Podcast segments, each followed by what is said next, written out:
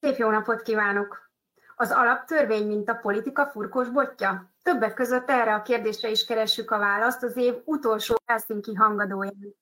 Szeretettel köszöntöm azokat, akik velünk tartanak és követik ezt a beszélgetést, amelyet az alaptörvény 9. módosítása kapcsán szerveztünk.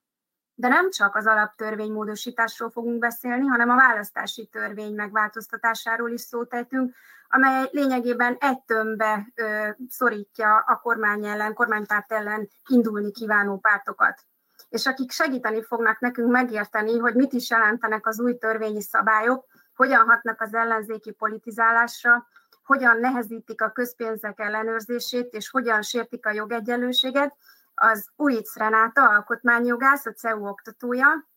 Vince Orsolya jogász, a K-monitor munkatársa, és László Robert, László Robert, Robert választási szakértő, a Political Capital munkatársa, elnézést a kis vakizásért, akiket egyébként ezúton is szeretettel köszöntök, és köszönöm, hogy elfogadtátok a Helsinki hangadó meg, megkeresését.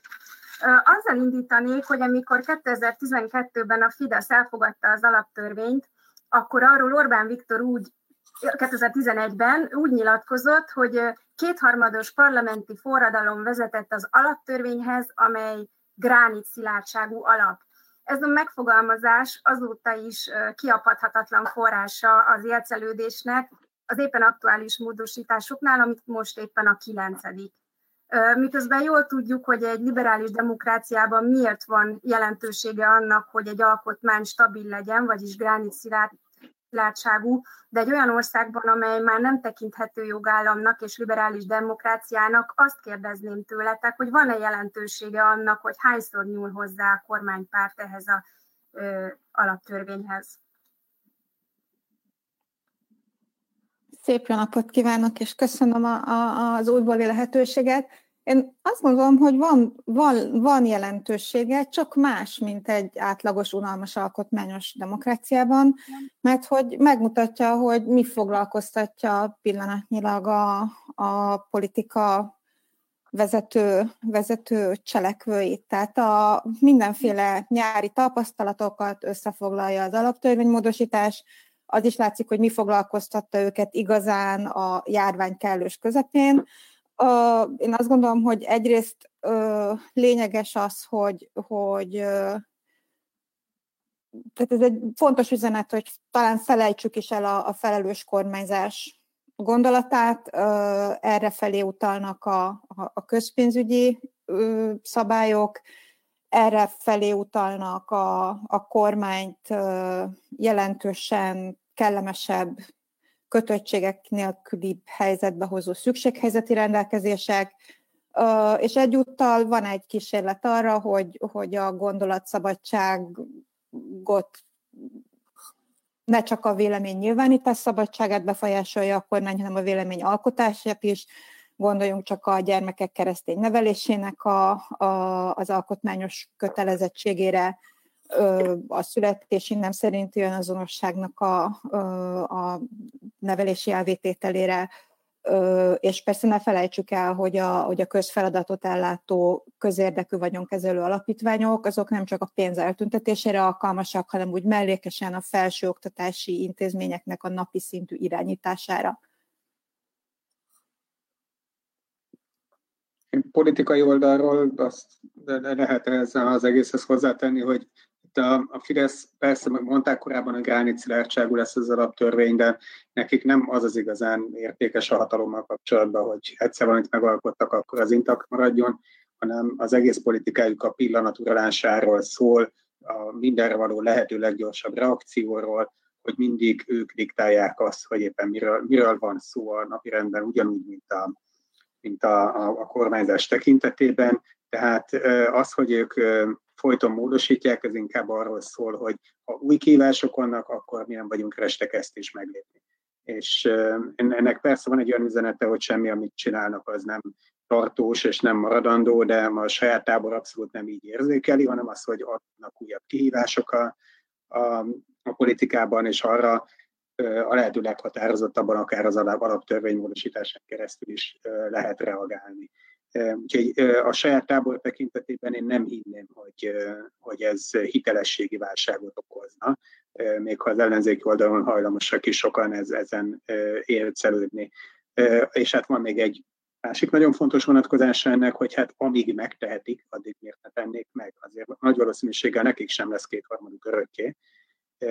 ha, nagy, ha minden bizonyal nyernek is 2022-ben, kétharmaddal nem valószínű, hogy újra nyerni fognak. Tehát véget fog érni ez az időszak, amikor kényük kedvük szerint egy párten hozzányúljanak az alaptörvényhez, de amíg bármilyen kétharmados törvényhez enne az alaptörvényel hozzányúlhatnak, addig ezt meg fogják tenni, a választási törvény vonatkozásában gondolom erre nem visszatérni. Ne felejtsük el azt se, hogy ahogyan megszületett ez az alaptörvény módosítás, egy elég nagy fricska volt, ahogy kikerült az internetre akkor, amikor éppen elég sok ember frissítgette a böngészőjét, hogy mikor jelenik már végre meg a másnaptól érvényes, mikor jelennek meg a másnaptól érvényes vészhelyzeti rendelkezések, hopp, itt van egy alkotmánymódosítás tervezet. Ez azért mindenkit azt hiszem meglepetésként ért. Tehát ez is azt igazolja, amit te mondtál, hogy, hogy megtették, mert megtehették. Nyilvánvalóan ez nem aznap derült ki, hogy egy alkotmánymódosítás tervbe van véve. És persze nem minden, ami, nem minden, ami igazán fontos került bele az alkot, vagy az alaptörvénymódosításba, tehát van számos egyéb jogszabály, ami taktikailag legalább annyira fontos, mint, mint ez. Részben megvalósítják az alaptörvényben kijelölt új, új irányvonalat, részben, részben új, új ö, tételeket nyitnak, tehát hogy az, az, ez is az utolsó pillanatban meglehetősen váratlanul történt, tehát ezt az egész közjogi pakkot így Mikulás csomagként érdemes szerintem uh, olvasni. Akkor a segítségetekkel szállazzuk szét, hogy mi van ebben a közjogi pakban. Három konkrét téma is körvonalazódik. Az egyik, amit már említettetek az alapítványokkal kapcsolatban, amelyek kezében hát egyetemek vannak, és nem lesznek elmozdíthatóak még kormányváltás esetén sem kétharmad kell ahhoz, hogy ezekhez az alapítványokhoz hozzá lehessen nyúlni. Itt ugye ezért fontos leszögezni, hogy jelentős vagyonok és közfunkciók kerülnek ebbe a körbe, amely ezen ki, tehát elveszik ezáltal a, a köz, közjellege, hogy ezek mögött, az alapítványok mögött vannak ezek a funkciók. Mi, mi lehet emögött a cél? Mit gondoltok, hogy miért volt érdekelt a kormány abban, hogy, hogy eldugja az alapítványok mögé ezeket a funkciókat és pénzt. És miért hozta ezt a kétharmados ö, változtatást? Ez, ez azért is egy érdekes kérdés, mert, mert ez ö, annyira nem egy, ö, egy hónapos történet, hogy 2019-ben jelent meg a törvény ezekről a vagyonkezelő alapítványokról, akkor már akkor lehetett már tudni, hogy ez így tulajdonképpen a felső oktatás kiszervezésével, vagy magánkézbe juttatásával lesz kapcsolatos, és ugye egy évvel ezelőtt, tehát 2019-ben a Corvinus Egyetem ugye mint egy ilyen pilot projektként magánkézbe is került, de aztán azt láttuk ennek az évnek a folyamán, az első fél évben már, hogy, hogy elkezdtek ilyen nagyobb vagyonösszeg, vagyonok áramolni, nem csak a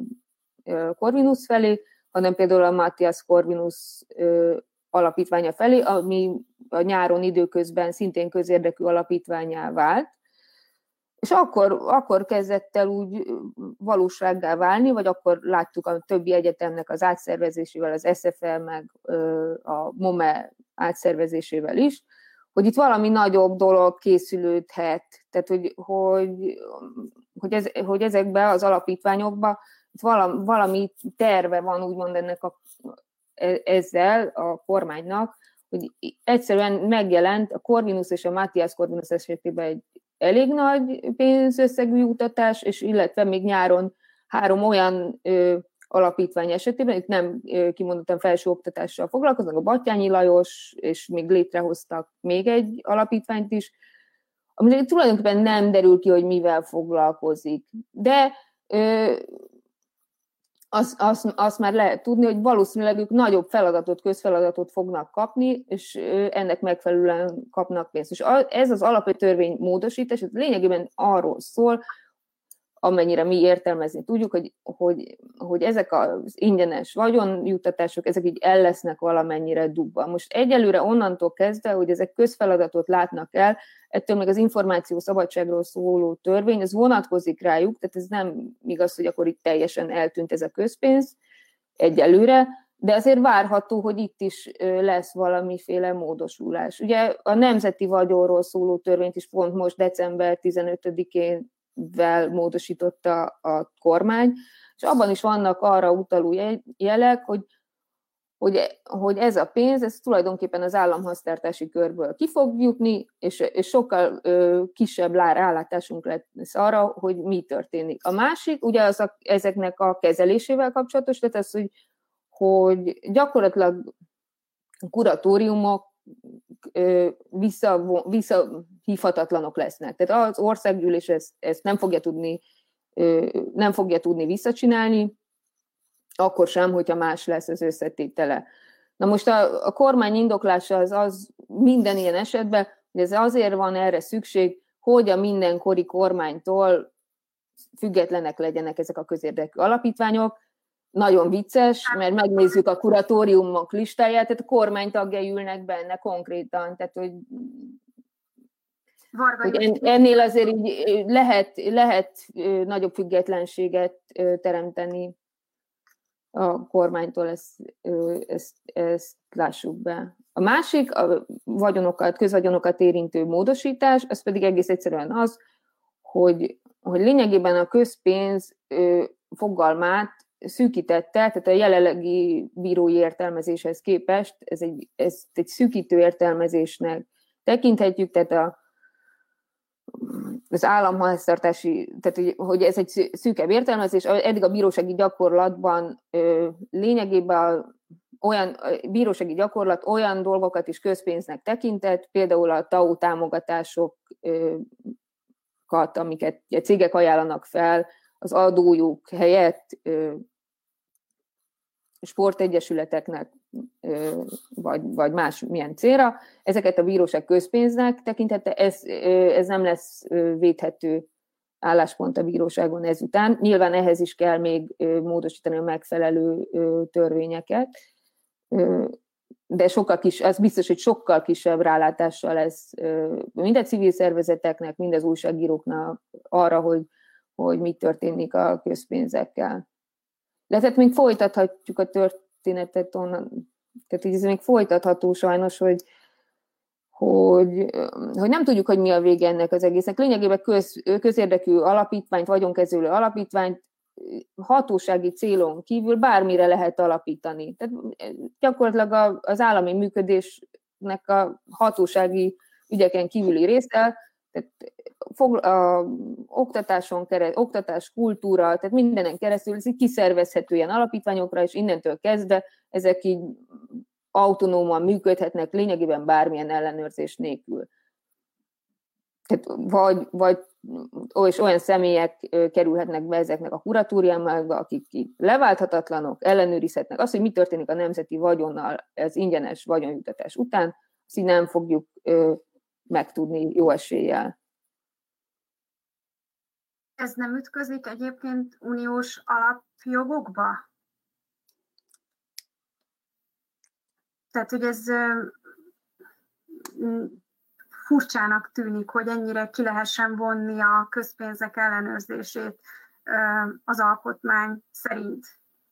Én azt gondolom, hogy egyelőre egy, egy folyamat elején vagyunk, tehát ez nem egyelőre még mondom, az információ szabadságra vonatkozó törvények vonatkoznak rá, ezekre az alapítványokra is. Nyilván a megfelelő formában a közbeszerzési törvény is vonatkozni fog rájuk, vagy én azt, azt gondolom, de ez, ez egy olyan dolog, amiről megint nem tudjuk, hogy hol a vége, tehát azért így könnyen lehet, hogy lesz még csavar a történetben, és, és az inform- tehát most nem akarok ötleteket adni, hogy milyen jogszabályokat kéne módosítani ahhoz, hogy totális legyen a, az átláthatatlanság, de vannak arra utaló jelek, hogy, hogy meg fogja lépni a kormány ezeket is. Tehát ugye magát a közpénz fogalmat igazából az információ szabadságról szóló törvény az említésszerűen használja, és a, tehát a közétételi kötelezettség körében, de tehát ez a proaktív közétételi kötelezettség körében, ettől függetlenül egy újságírónak joga van természetesen köz, egy bármilyen közfeladatot ellátó szervezethez, és igen, egy közérdekű alapítvány is ilyen lesz, egy adatigénylést írni, tehát ilyen szinten ez nem tűnik el és a közbeszerzési törvény is, de ez is inkább általánosságban használja a közpénz fogalmat, és igazából ez elméletileg nem feltétlenül vonatkozna jelenlegi formájában még a, köz, a közpénz fogalmának a szűkítése, még nem feltétlenül vonatkozik a közérdekű vagyonkezelő alapítványokra. Ez inkább jelenleg mondom azokat a, a tág értelmezéseket szűkítheti le, amit a bíróság alkalmaz néhány esetben, mint amilyen például ezek a futballpénzek voltak. Ha például most újságíróként a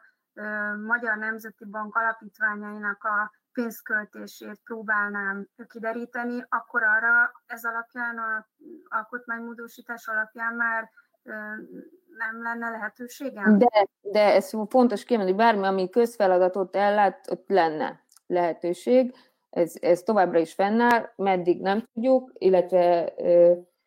a, te, a Nemzeti Bankos történet az azért volt egy kicsit más, mert ott egy olyan törvényt akartak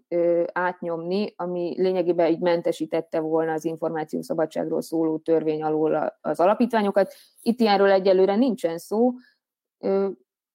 de az biztos, hogy tehát azért teljesen, azért a, a, az a legyünk tiszta, hogy egy, egy magánalapítványtól adatokat kiszedni, ez mindig nehezebb lesz, mint egy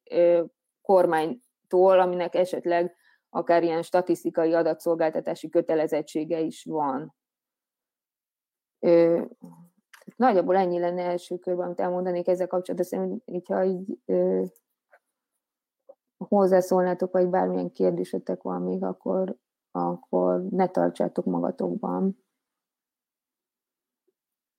Ha nem, akkor mennék a másik gócpontra, ami a vészhelyzeti szabályokat módosította. Ez alapján most három különleges jogrendi eset lesz, és Vörös Imre volt alkotmánybíró azt fogalmazta meg, hogy ez a szabályozás egyszerűsíti a korábbi helyzetet, a rendkívüli jogrend formáit. Ebben van szó arról, hogy bizonyos esetekben a honvédség bevetése is megengedett. Kérdezném azt, hogy csökkente ez alapján, a szabályozás alapján az alkotmányos korlátja a honvédség bevetésének, milyen veszélyekkel járhat ez? Egy egyszerű állampolgárokra nézve, lehet-e mögött csak simán a félelemkeltés szándéka, vagy lehet tartani attól, hogy mondjuk egy nem engedélyezett tömegtüntetésnél ténylegesen bevetik a, a honvédséget? Én azt, azt hiszem két részben válaszolnék erre a, erre a kérdésre. Az első az az, hogy Vörös Imrével egyetértve és számos magyar közjogásszal egyetértve, abban semmiféle ördögtől való indítatás nincsen, hogy a az alaptörvénynek a különleges jogrendekre vonatkozó szabályozását valaki egyszerűsíteni szeretné. Ö, azzal, hogy, hogy volt részben a, a, az alkotmányból tovább örökítve fél tucat formája a különleges jogrendeknek, amikhez aztán hozzákerült a, a terrorveszély egy módosítással kicsit, kicsit később, azzal azért egy, egy nagyon cizellált közjogi káosz állt elő. Tehát önmagában azt mondani, hogy ennél kevesebb is elég, ez, ez nem, egy, nem egy ördögtől való gondolat. A módosításokban azért az, az, az érdekes, hogy mind a, mind a három különleges jogrend esetében, formáció esetében a kormánynak lényegesen erősebb és közjogi kontrolltól ö, szabadabb ö, jogkörei keletkeztek a, a módosítástól, mint, mint a korábbi szabályok szerint voltak. Például megszűnik a, a honvédelmi tanács, ami, ami a, a diállapot idején lát el a, a, a főnökséget az előző szabályok szerint. Visszaszorultak a köztársasági elnöknek a, a jogkörei is. A szabályozás alapvetően hangsúlyozza, hogy amennyiben csak lehet az országgyűlés ülés ezzel folyamatosan, ez a pillanatnyi járvány idején is tökéletesen működött a parlament, mint törvénygyár, tehát a tapasztalatot reflektálja a, a módosítás. Az országgyűlésnek azonban minimális ellenőrző funkciója van a, az új rendszerben.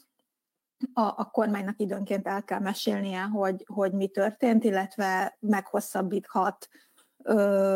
30 meg 60 naponként ezt vagy azt. Alapvetően az, hogy az országgyűlés ülésezik, nem, nem jelent komoly kontrollt a, a kormány működése felett. A szabályok arra tökéletesek, és ezt nem győzik hangsúlyozni, hogy a kormány felfüggesztheti a, a, a, a normális jogszabályoknak a, az alkalmazását, és ezektől, ezektől eltérhet. Valóban felpogult a, a, a szükségállapot fogalmának a, a, a, az alkotmányos definíciója, nem csak az alkotmányos jelent megdöntése, hanem a felforgatása miatt is bevezetheti a, a, az országgyűlés a, a szükségállapotot, illetve az élet és vagyonbiztonságot veszélyeztető tömeges, súlyos jogellenes cselekmények esetén is, tehát ezeknek nem kell erőszakosnak vagy fegyveresnek lenni. Az nem egy teljesen buta kérdés, hogyha a 2023. július 1-től, amikor ezek a szabályok állítólag hatályba lépnek, egész pontosan milyen közjogi következményei lesznek egy olyan tömegtüntetésnek, ahol megnyitnak néhány tűzcsapot, és, és adott, adott esetben kicsit kontroll alól kihelyeződik a tömeg, az nyilvánvalóan nem egy, nem egy nem a gyülekezési szabadság védelme és tiszteletben tartása felé mutató fejlemény, hogy, hogy a tegnapi sajtóhírek szerint Fekete Győr András másfél év felfüggesztettet érdemel az ügyészség szerint némi tüntetésen való füstbombázásért, és akkor ugye ott az élet meg a, meg a vagyonbiztonság nem volt,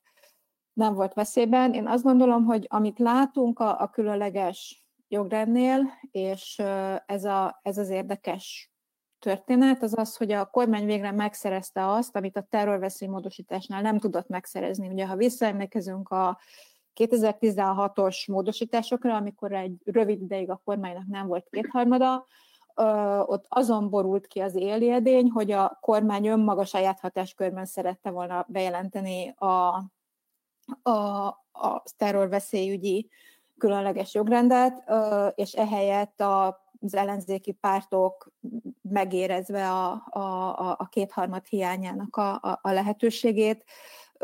ezt, ezt mégsem mégsem tették lehetővé, tehát a kormány kihasználta az alkalmat, hogy, hogy, hogy megszerezze az irányítást a különleges jogrend felett, és amit még látunk, és ami szerintem iszonyú fontos itt, az az, hogy ezzel egy időben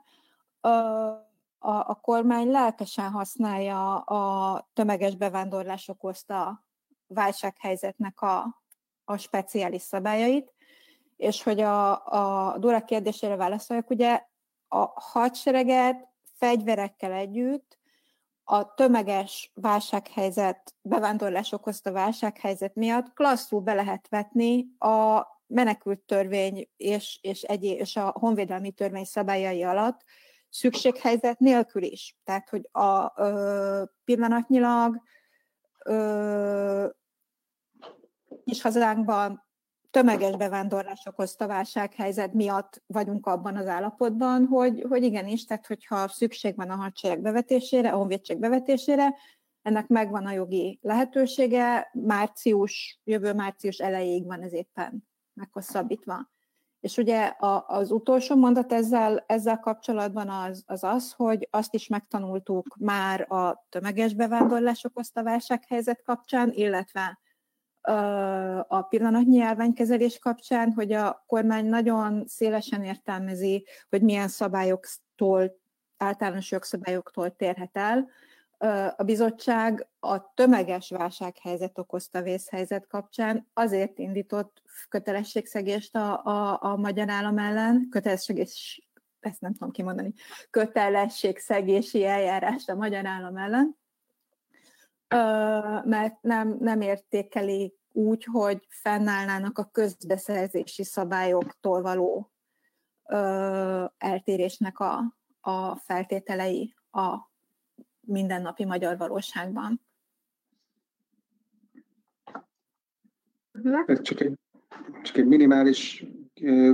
kiegészítést tudok tenni, mert nyilván Renáta a jogász, és én, én nem vagyok az, én a politikai dimenzió tekintetében azt tudom így globálisan mondani, mármint visszatekintve az elmúlt tíz évre. Orbán Viktor még az elején, 2000, talán 2010. október 23-án tartott beszédében mondta el azt, hogy érezzük azt, hogy szűk a kabát, és hogy nagyobb kabát kabátra lesz szükség, és ki kell terjeszteni, hogy tudjuk cselekedni végre, és akkor még az alkotmányozást alapozta meg ezzel, hogy, hogy ez a régi alkotmány, ez hogy szűkíti a magyar embereknek a mozgásterét, valójában az ő hatalmának a, a minél erőteljesebb kiteljesedését, és ez egy folyamat, tehát ennek sosincs vége. Annak idején azt gondolta mindenki 2011-12 folyamán, állandóan arról beszélte a Fidesz körüli holdudvar, hogy igen, igen, lehet, hogy most radikálisnak tűnik pár lépés, de hát most egy új korszak kezdődött, most, most ez egy egészen más helyzet, igen, meg kell tenni néhány határozott lépés, de hát utána majd jön a konszolidáció ez, ez ment egy darabig. És 2012 végén, 13 elején ez kikopott a szótárból, onnantól kezdve az az, hogy konszolidáció ez nem hangzott el egyetlen egyszer sem, hiszen belátták azt, hogy hogy a rendszernek az a lényege, hogy állandóan mozgásban van, és újabb és újabb konfliktusokat vállal, amelyek egyre csak erőteljesebbek lehetnek. Úgymond konszolidálódni a rendszer soha nem fog. És valószínűleg már akkor látták azt, hogy hogy a Gánit Szilárdságnak mondott alaptörvény az nem lesz végleges, és igen, újra és újra majd módosítani kell. Tehát amikor és a Fidesz minden egyes élethelyzetet arra használ ki, hogy ezt a kabátot, ezt egy nagyobbra cserélje. És erre most a járvány volt egy kiváló hivatkozási alap. Először jött a felhatalmazási törvény, majd ennek az állítólagos visszavonása, de valószínűleg fel tudnánk sorolni pár pontot, ami mutatta azt, hogy a visszavonás után is milyen hatáskörei maradtak meg a kormánynak, hogy aztán most ezzel a 9. törvénymódosítással ezeket még tovább kinyissa. És egyébként persze csak találgatni lehet, hogy pont a közpénzek közpénz jellegének elvesztésével, vagy akár a, a, a, ezeknek a, a, a veszélyhelyzet könnyebb kiirdetésével pontosan kik lesznek ezen, ennek a kárvallottjai, de általában nem az történik, amire ilyen logikusan számítani lehetne. Például amikor a hírterjesztés kapcsán tavasszal elvitték a, azt a gyulai embert, akit egy Facebook poszt miatt vittek el, hát valószínűleg egy nappal előtte sem gondolta volna senki, hogy pont egy ilyen súlyú ügy lesz ennek a kárvallottja, de például a statuálásra mindenképpen alkalmas volt, és be, érezhetően be is indult utána az öncenzúra a legtöbb médium esetében is. Tehát ennek azért eléggé változatos hatásai lehetnek, és azt érzékeli majd minden létező szereplő, hogy mindent mérlegelni kell, mi már annyit sem tehetünk meg, mint korábban, mert vajon mi lesz a következménye ennek. És szerintem ez a legkárosabb eleme ennek, a, ennek az egész történetnek, nem csak a konkrét szintje, hanem az, hogy mindig azt éreztetik az emberekkel, hogy szűkül a mozgásterük. Tekinthető-e a tekintetben a szintlépésnek ez a kilencedik alaptörvénymódosítás, hogy olyan dolgok kerültek bele, például a homofób propaganda eszközévé vált az alaptörvény, ez nem hát szokványos dolog. Tehát, hogy, hogy napi politikai dolgokra silányul az alaptörvény módosítás, hogy ebből a szempontból tekinthető-e szintlépésnek, vagy ez csak a szokásos ügymenet a nemzeti együttműködés rendszerében? Hát nehéz erre mit mondani, hogy mi a szokásos és mi az, ami kevésbé. Hát az alaptörvényben már az első pillanattól kezdve olyan dolgok vannak benne, amik hát legalábbis az ország egy jelentős része szerint abszolút nem odavalók. Tehát azok a, az a hitvallás az elején, amit sokan nemzeti zsoltároknak gúnyolnak, azzal hát lehet, hogy a, egy, egy, egy bizonyos szavazótábor azonosulni tud, a ország jelentős része meg abszolút nem tud vele mit kezdeni. Már egyáltalán értesült róla, hogy milyen dolgok vannak beleírva, de az biztos, hogy nem olyan az egész ország, az egész nemzet, az egész társadalom nem kívánt törlendő, számára elfogadható alapvetések vannak abban a nemzeti vallásban, és már ez 11-ben, 12-ben is így volt, hát, hát még ma. Ami a mostani legszimbolikusabb módosítást illeti, az meg hát én nem mondanám, hogy normál ügymenet része, de abban a tekintetben kiszámítható volt, hogy ez jól látszik az elmúlt egy-két évben, hogy, hogy minden bizonyal azt mérik, hogy a sok társadalmi csoport közül az LMBTQ közösség ellen van a legerőteljesebb ellenszem nagyon sok emberben, amit elő lehet hívni, amire rá lehet játszani, és, és sajnos az LMBTQ közönséggel szemben már évek óta megy a, a Fidesz propagandagépezetében ez a támadás sorozat, és ennek, ha úgy tetszik, egy kiszámítható folyamánya volt az, ami, amit most az alaptörvényi szinten megtörtént, de én azért ezt semmiképpen sem mondanám, hogy ez normál ügymenet, ez mindenképpen rendkívüli. Igen. Azt, azt gondolnám, hogy, hogy ö, az nagyon fontos volt, amit, amit a, a, a Robi mondott arról, hogy milyen ezek, a rendek, ezek az új szabályok mennyiben torpantják meg a, a közélet, meg a, a, a, közbeszéd résztvevőjét, és, és sarkalják őket a, a, a csöndben maradásra. Tehát egyrészt ez a dermesztő hatás, ez, ez borzasztó fontos, és ez majdnem olyan fontos, mint hogy egyenruhás fegyveres embereket látni a, a, az utcán. A, ne felejtsük el, hogy kellett egy új ellenség. És a, a, ha függetlenül attól, hogy mi, mik a pillanatnyi magyar ö, társadalmi mutatók a, az LMBTQ közösség elfogadottságával kapcsolatban, a migráncsozás az eléggé kifutott, kellett egy, egy új ellenség, és én azt gondolom, hogy a, tehát ez ennyiben a rendszer logikájába tökéletesen illeszkedik, ami, ami történt, és azt gondolom, hogy egy dolgot még ehhez tegyünk hozzá, ami pedig az, hogy van ezeknek az alkot, alaptörvénymódosításoknak egy, egy fontos közönsége az államhatárokon kívül is. A,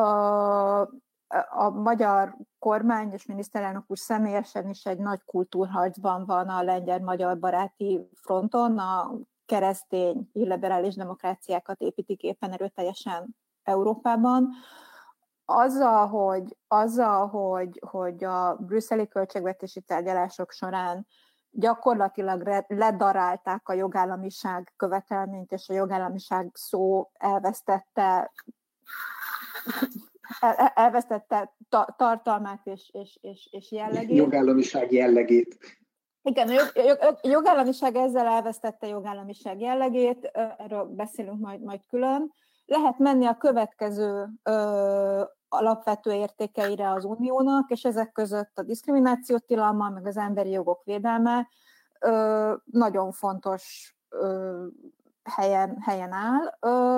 tehát most már a következő nagy ütközetre készülünk, abban a logikában, amiről szó volt, tehát konfliktusok kellenek, mert hogy az illiberális demokrácia ez igazából olyan, mint egy cápa, folyamatosan úsznia kell. Ö, és ez már, készül, ez már készülődés a, arra a jövőre, ahol a, a bizottságnak a, a politikai napirendjén egy igen fontos kérdés, Európa jövőjének a kitalálása, és ezt, ezt is láthatjuk a, a szimbolikusabb, ö, szimbolikusabb ö, rendelkezések mögött, és szerintem ezt fontos figyelembe, figyelemmel kísérni, hogy itt van egy másik közönség, Brüsszel figyel. Ez jó, hogy szóba került. Brüsszel vajon mennyire figyel? Ti hogyan értékelitek azt, hogy ez a jogállamisági mechanizmus, ez inkább most már csak egy antikorrupciós mechanizmusnak lehet nevezni. Valóban alkalmas lesz ez a mechanizmus arra, hogy a következő időszak költségvetési pénzei felett jó figyelemmel legyen, tehát hogy ne hagyja azt ellopni azt a nagy mennyiségű pénzt. Képes lesz ez a mechanizmus megfékezni, hogy a kleptokrácia éljen és viruljon. Én, hát ugye ezt így teljesen biztosan senki se tudhatja, de azért a én gyanúm az, hogy azért ehhez is eléggé ki lett ö, lugozva ez a, vagy fel lett hígítva ez a jogállamisági mechanizmus, nem tudjuk még, mire ebből valami lesz, addigra elég sok eszköze van a kormánynak ahhoz, hogy, hogy még átláthatatlanabbá tegye ezeket a pénzeket. Ugye ez egy, szom, tehát, hogy azért a, van egy olyan, hogy ennek a jogállamisági mechanizmusnak mindig így hívtuk, de ezért alapvetően a, ami miatt ugye ezt, ezt így eléggé, eléggé fontos szerepet kaphatott Brüsszelben, és ez eleve ez a vonulata volt, hogy, hogy nem feltétlenül akarták a Európa, többi Európai Uniós tagország a Orbán közeli vállalkozók gazdagodását finanszírozni EU pénzből. Tehát azért így alapvetően azért nem mondhatjuk azt, hogy ez egy, egy akkora emberi jogi indítatásból született ö, mechanizmus volt. Szóval ennyiben én nem érzem egy nagyon-nagyon eltérített dolognak, ezt azért így tegyük, vagy ezt én így hozzátenném. Azt hiszem, hogy én jellemző módon a legborulátóbb pajtika vagyok ebben a, ebben a körben, tehát a, a, a tanácsnak a költségvetési fordulója decemberben, az ugye kettő dolgot csinált. Egyrészt elfogadták a költségvetést, és a, a kríziskezelő Next Generation EU eszközt úgy, ahogy volt. Elfogadták a jogállamiság feltételre vonatkozó demok, rendelet feltét, rendeletet, úgy, ahogy abban novemberben megállapodtak, és elfogadtak egy ilyen nagyon vicces dolgot, ez egy feljegyzés a tanácsüléséről, amiben aztán bele van írva az, hogy ezt a mechanizmust nem fogják politikai vendetta a, a, a célokra használni, illetve az, hogy bármiféle jogszabály születik itt, emiatt aztán elmehetnek a megfelelő érdekelt felek a bíróságra. Most az, hogy nem használunk egy, egy, egy, egy jogszabályt politikai vendetta céljaira, illetve hogy lehet használni azokat a, a jogállami eszközöket, mint például a bírósághoz lehet miatta menni, amelyek egyébként benne vannak az EU alapító szerződéseiben. Ez nem tűnik egy, egy akkora fegyverténynek, tehát hogyha ezt egy hétköznapi szereplő nézi, hogy ebben mi volt a, a, a nagy muszt, akkor azért nehéz, nehéz megmagyarázni, ez a körülbelül a ma is kaptál vacsorát, Bodrika, ö, kiharcoltad magadnak szint. Amiért azért ez mégiscsak érdekes, az az, hogy a, hogy a tanácsi konklúziók, azok egy tökéletes gumicsontot dobtak ö, mind a ö, egyrészt a parlamentnek, ö, amivel ugye a parlament ö, kicsit, kicsit úgy érzi, hogy ez a nem világos jogi relevanciájú, mert hogy ez nem egy jogi norma, egy nem világos jogi relevanciájú tanácsi konklúzió az mégiscsak betette a kertkaput a minden eddigi tárgyalásaiknak. Most borzasztó okos emberek elemezgetik, hogy akkor magát a tanácsi konklúziót azt meg lehet támadni a bíróság előtt, vagy sem. Amikor ez lecseng, akkor viszont el lehet menni a bíróságra valószínűleg a rendelet vagy a rendelet végrehajtása alkalmából elfogadott ö, iránymutatást megtámadva, és ezzel a bíróság fog belekeveredni a, az EU elmúlt tíz évének legcsúnyább ö, intézményes konfliktusait generáló ö, politikai mocsár kellő közep, kellős közepébe. Miért mondom azt, hogy ez egy hogy ez egy mocsár, ez azért egy mocsár, mert úgy jutottunk el ezekig a, a, a jogállamisági mechanizmusig,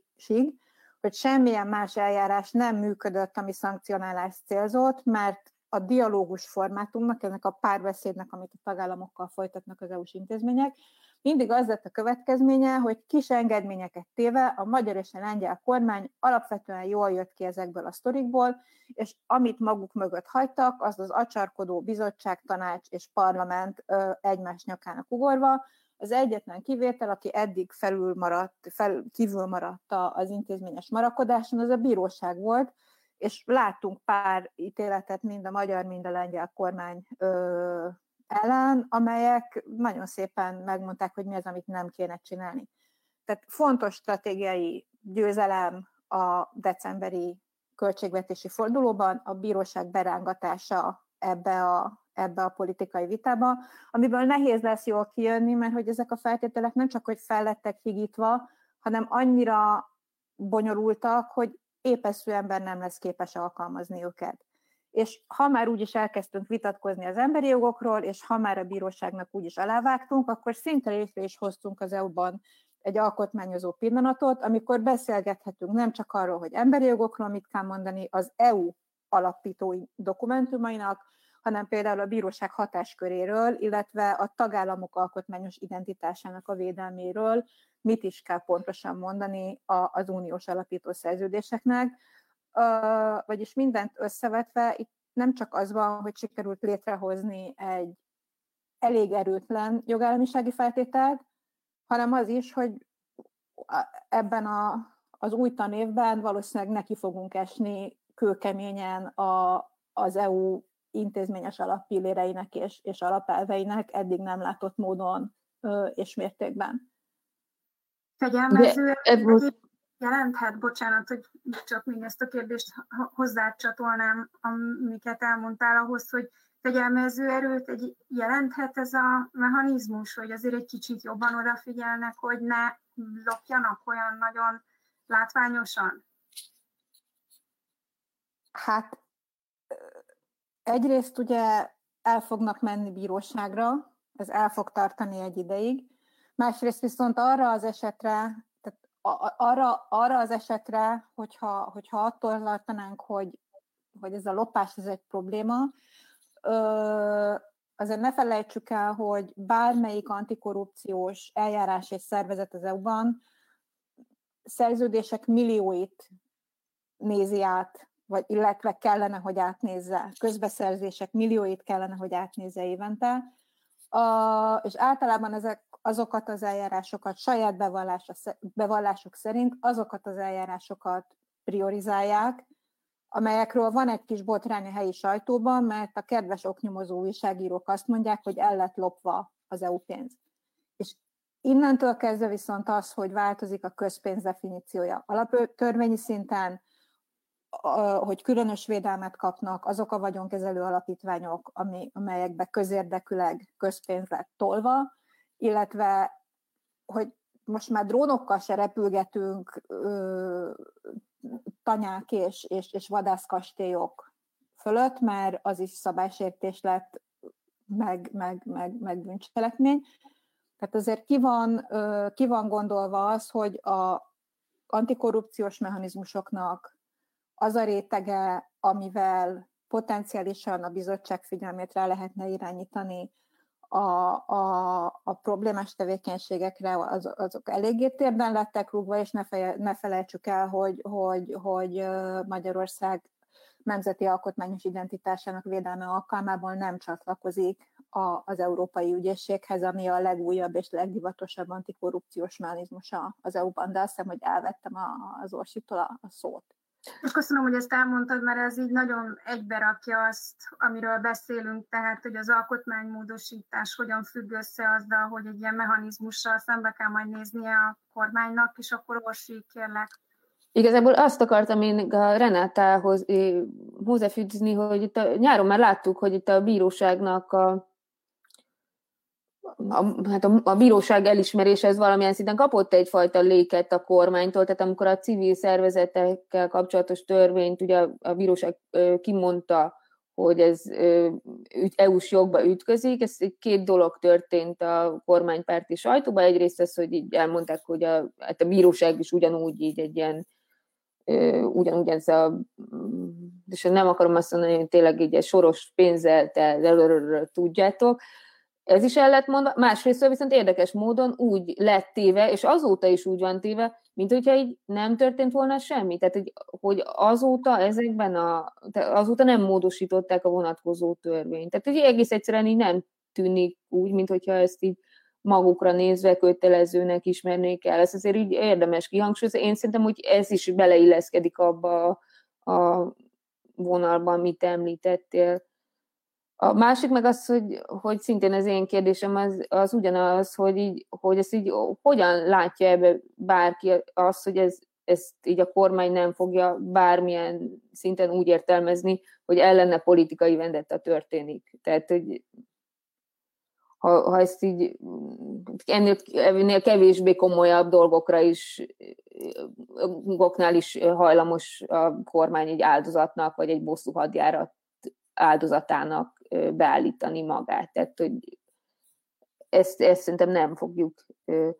elkerülni. Ebben valószínűleg sikeres tud lenni a kormány a saját választói felé, de ezt Robitól kérdezem, hogy eléggé meglepő volt a mediának az a kutatása, amely szerint az egész jogállami mechanizmus az, azt a választók nagy része úgy értékelte, hogy ez a migráns politikára adott uniós fegyelmező válasz, és nem, nem másról szól, hanem arról, hogy kilóg a migráns politikával kapcsolatban Magyarország a többi EU-s ország közül, hogy akkor ezek szerint ebből hosszú távon is tud politikailag hasznot realizálni magának?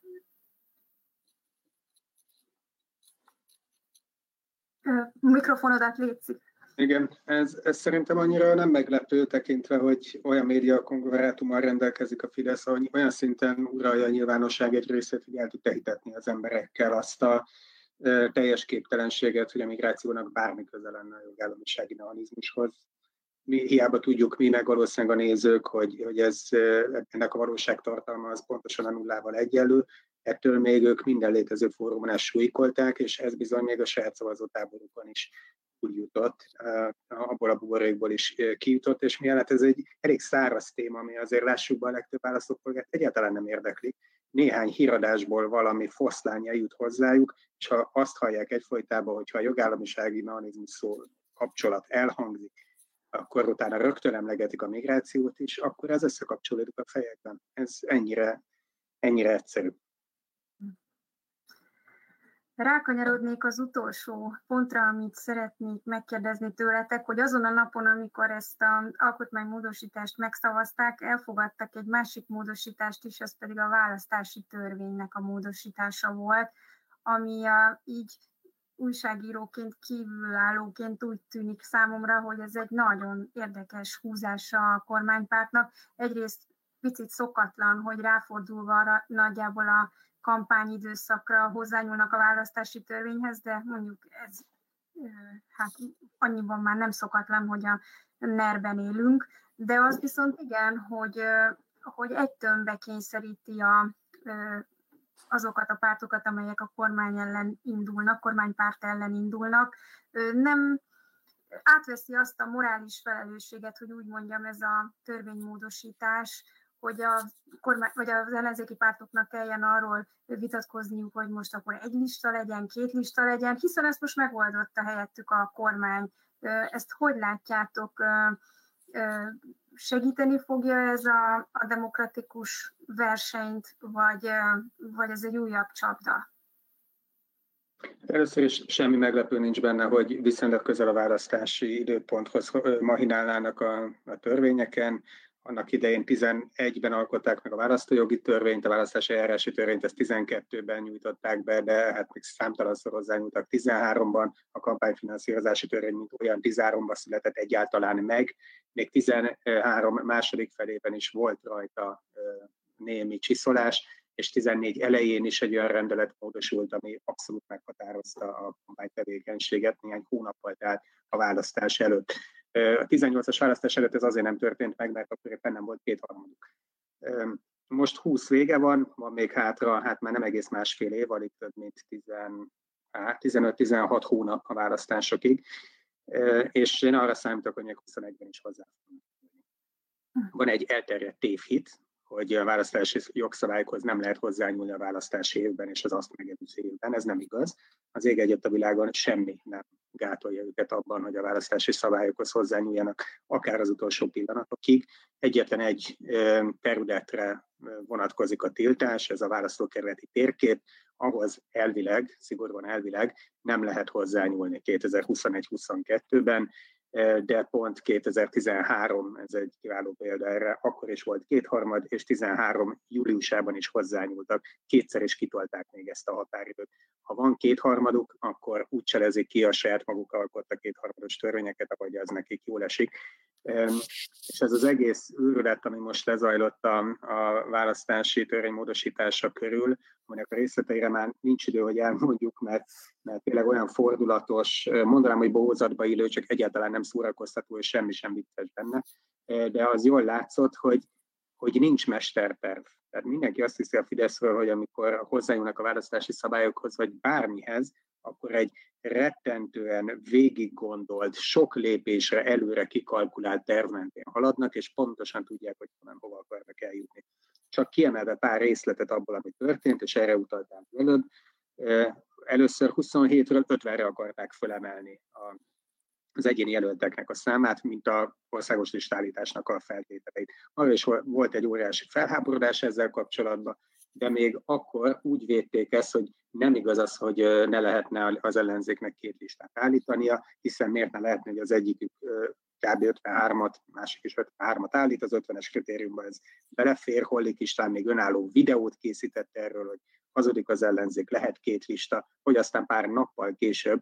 a Volner János módosítóját elfogadják, és már 71 egyéni jelölt kelljen a 106-ból a listállításhoz hát onnantól kezdve azt a videót már nem annyira pusztolták a Facebookon, tehát tényleg saját magukat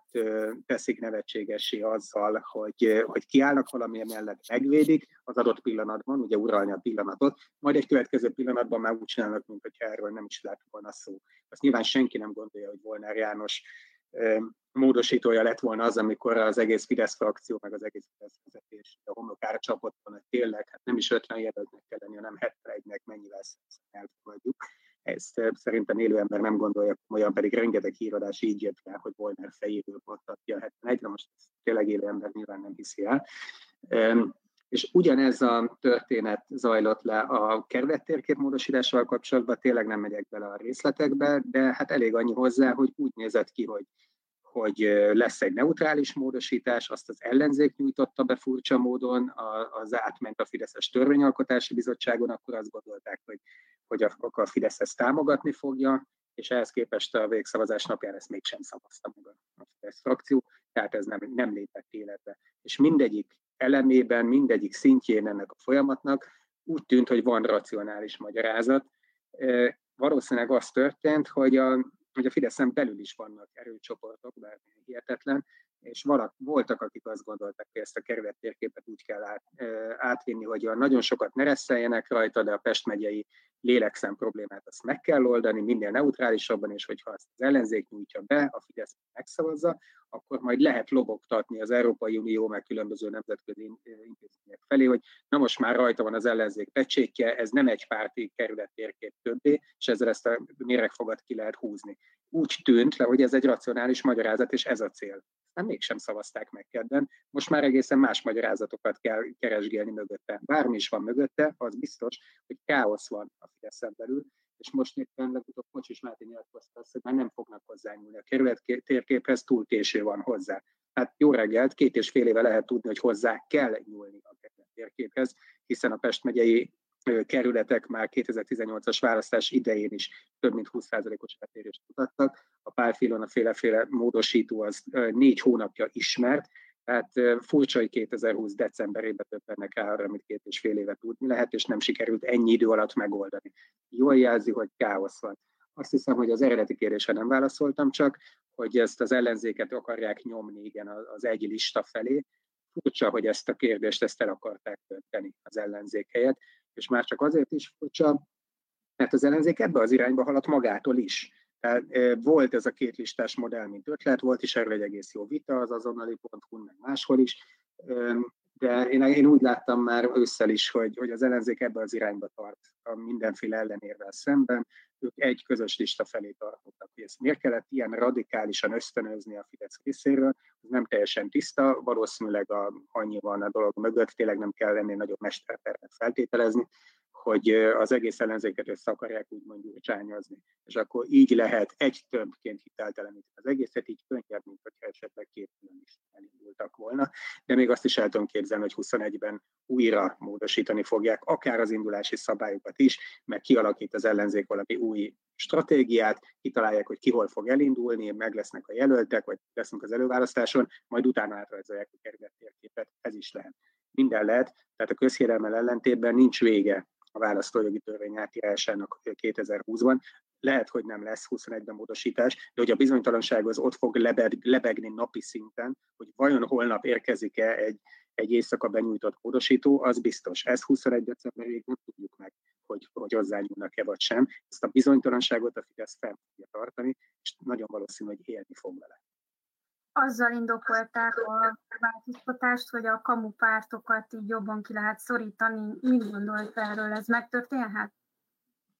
Hát nehezebb elindulni, ez kétségtelen, tehát eddig 27 jelölt kellett, az 50 az valószínűleg nem lett volna lényegesen több. 27 helyett 71 jelöltet elindítani az ország háromnegyedében, az valóban egy kicsit nehezebb kritérium. Tehát ha most voltak olyan asztaltársaságok az országban, akik azon gondolkodtak, hogy csináljunk már egy kamupártot, 150 milliót haza lehet vinni, 27 jelöltet csak el tudunk indítani, na azok talán elkedvetlenednek, hogy jó, 27 el tudunk volna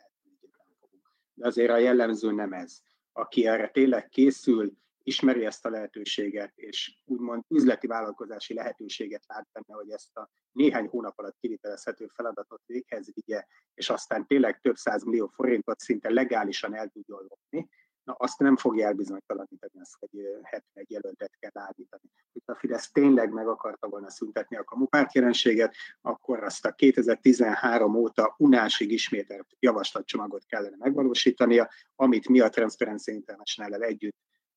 tényleg heti szinten visszhangzunk, és már mindenki unja, a Fideszben is unják, pontosan tudják, eljátszák, hogy nem tudják, de pontosan tudják.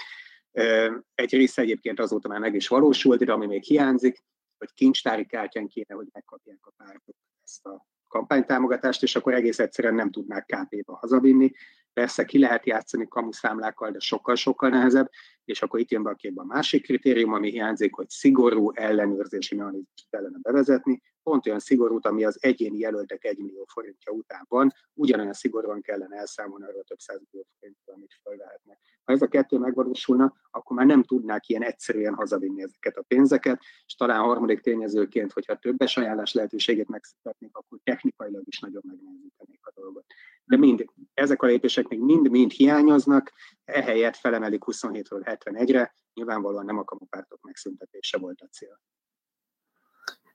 A véleményeteket kérdezem csak egy ilyen igen nemes összegzésként itt a végén, hogy az, hogy egyébként választójogi tör, illetve választási törvényt nem módosította, hozzányúlt az alkotmányhoz, és kétharmadossá tette az alapítványokkal kapcsolatos ügyek megváltoztatását, ez nem olyasmit rajzol ki, hogy esetleg fél attól, hogy a 22-es választást mégse húzza be? Nem éreztek egy ilyen bizonytalanságot ezek mögött, hogy folyamatosan azon matekolnak, hogy minél biztosabban tudják föntartani a 22 után is az állásaikat, akkor, akkor is, hogyha esetleg az ellenzék nyerne? Nem akarom monopolizálni a beszélgetést, de nagyon röviden, igen, szerintem van benne egy ilyen határozottan, már a közönkutatási adatokon is látszik, hát úszunk egy járványban, a, ennek a gazdasági következményeit Magyarország a lehető legrosszabbul kezelte, alig kapott a magyar gazdaság valamiféle támogatást, és ezt érzik most már emberek a bőrükön, százezrek veszítették el az állásukat, és bizony ez már látszik a legfrissebb Závec és kutatásokon is okkal félnek attól, hogy komoly népszerűség visszaesésre számíthatnak. Persze 21 végén, 22 elején, hogyha túl leszünk a járványon, akkor ezt még föl lehet, föl lehet tornázni, de az ellenzéki együttműködésnek köszönhetően, még hogyha az nagyon sikeres nem is lesz, a kétharmados többség az 99% hogy az elviszik 2022-ben, úgyhogy amit lehet, azt meg, meglépik addig, és igen, ezekben a, a, a közpénzi jelleg elvesztésének alaptörvényben sütésével, én azt látom, hogy, hogy igen, készülnek arra, hogy ki kell vinni minél több, ki kell menekíteni minél több vagyont arra a nem kívánt esetre, hogyha esetleg a hatalmat is elveszítenék, ez benne van. Ugyanakkor én azt is látom benne, hogy ez akár a Fidesz számára is jelenthet egy, egy kockázatot, hogy hogy az állami vagyonokat és eszközöket gyakorlatilag egy törvényes szabályok nélkül létező ilyen pseudo államba, ez talán egy túlzás viszik át, ahol, ahol sokkal többet fog nyilván, tehát hogy ugye a nexusok, meg a káderpolitika sokkal nagyobb szerepet játszik, mint, hogyha egy, egy, tör, mint egy, egy törvények által meghatározott keretben. Tehát, hogyha arra gondolsz, hogy mondjuk feltétlenül azok, akiket most így beültetnek egy-egy ilyen alapítványnak a kuratóriumába, arra azért nem lehet feltétlenül garanciát vásárolni, hogy ők mindig is abszolút a Fidesz politikájának a leghangosabb hívei lesznek, és nem biztos, hogy hogyha, tehát hogyha elveszíti a Fidesz a kétharmadot, akkor ezért így nem biztos, hogy lesz a Fidesz kezében olyan eszköz, hogy, hogy, visz, hogy visszahívja ezeket az embereket. Tehát ezért egyelőre nem annyira sok ilyen járósult szemét vagy érdekcsoportot láthattunk, de ez nem kizárt, hogy ez meg fog történni. Azt gondolom, hogy, hogy amire ezek a, főleg az alaptörvénymódosítás utal, az az, hogy arra számítanak, hogy rosszul fogják venni a választók a Fidesz győzelmét. Ha kétharmaddal, ha sima többséggel, ez már nem fog olyan könnyen lecsúszni, és, és valószínűleg, tehát még akkor is, hogyha a választási rendszer meg lesz javítva annak érdekében, hogy, hogy a lehető legtöbb szavazatot, mandátumot hozzon a, a, a beszerezhető legtöbb, legtöbb szavazat, és azért az orosz receptek működnek a magyar közjogban, láss civil törvény, és, és azt láttuk, hogy, hogy az még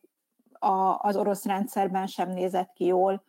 amikor a, a választók nem annyira örültek a, az Egyesült Oroszország párt választási győzelmének pár évvel ezelőtt, és most az túl azon, ami elhangzott, az erre való berendezkedést látjuk,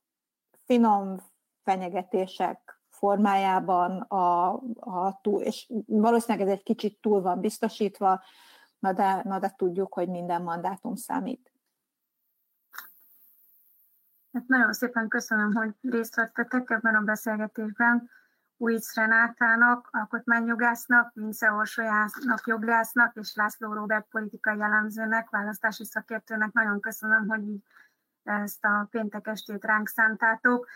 Renáta úgy fogalmazott, hogy az illiberális demokrácia olyan, mint egy szápa, folyamatosan úsznia kell. Ezt én fölírtam, mert annyira jól kifejezi, hogy miről is van szó, és megígérhetem, hogy jövőre, 2021-ben is fogjuk a szápának a mozgását és az úszás minden folyamatát, a Helsinki hangadó jelentkezni fog 2021-ben is. Addig is boldog új évet kívánunk, kellemes ünnepeket, minden jót, vigyázzanak magukra. Unodi Molnár Dóra vagyok.